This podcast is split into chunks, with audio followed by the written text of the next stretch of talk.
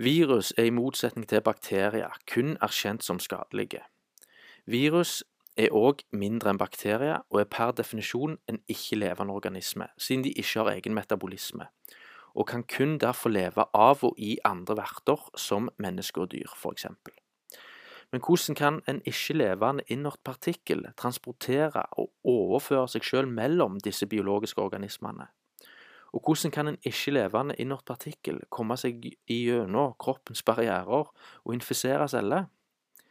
Og hvorfor er viruset ikke isolert per definisjon før det påføres styr eller cellekultur under smittetesting? For hvordan kan han da konkret si at viruset er årsak? Og hvorfor utføres ikke kontrollstudiet uten forurensninger for å utelukke alle feilkilder til årsak, slik virkelige vitenskap, vitenskap burde, burde utføres? Det er sunn fornuft, altså, med andre ord. Og hvorfor har ordet isolert en helt annen betydning i virologi enn i det dagligdagse? Altså, ordet isolert betyr i denne sammenheng kombinert med andre partikler, altså stikk motsatt av dagligtale. Så ved, ved publisering av artikler og studier i såkalte anerkjente journaler, hvor det bekreftes en isolering av viruset, blir jo da fullstendig misvisende.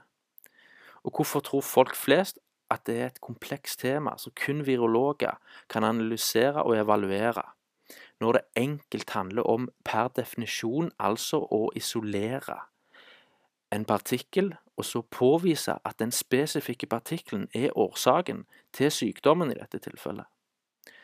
Dette er en smakebit på store hull som spireteorien ikke kan forklare eller forsvare på en vitenskapelig måte i det hele tatt.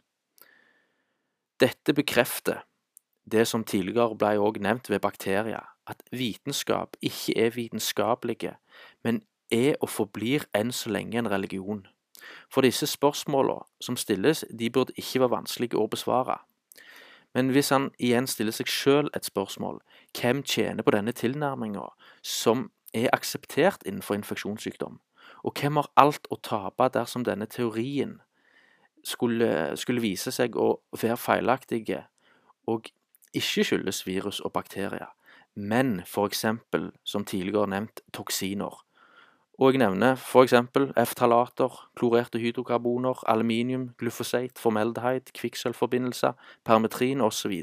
Den lista der er lang. Det spiller ingen rolle hva en person i hvit frakk eller svart dress sier og mener. Det som er av betydning, er hva grunndataen sier.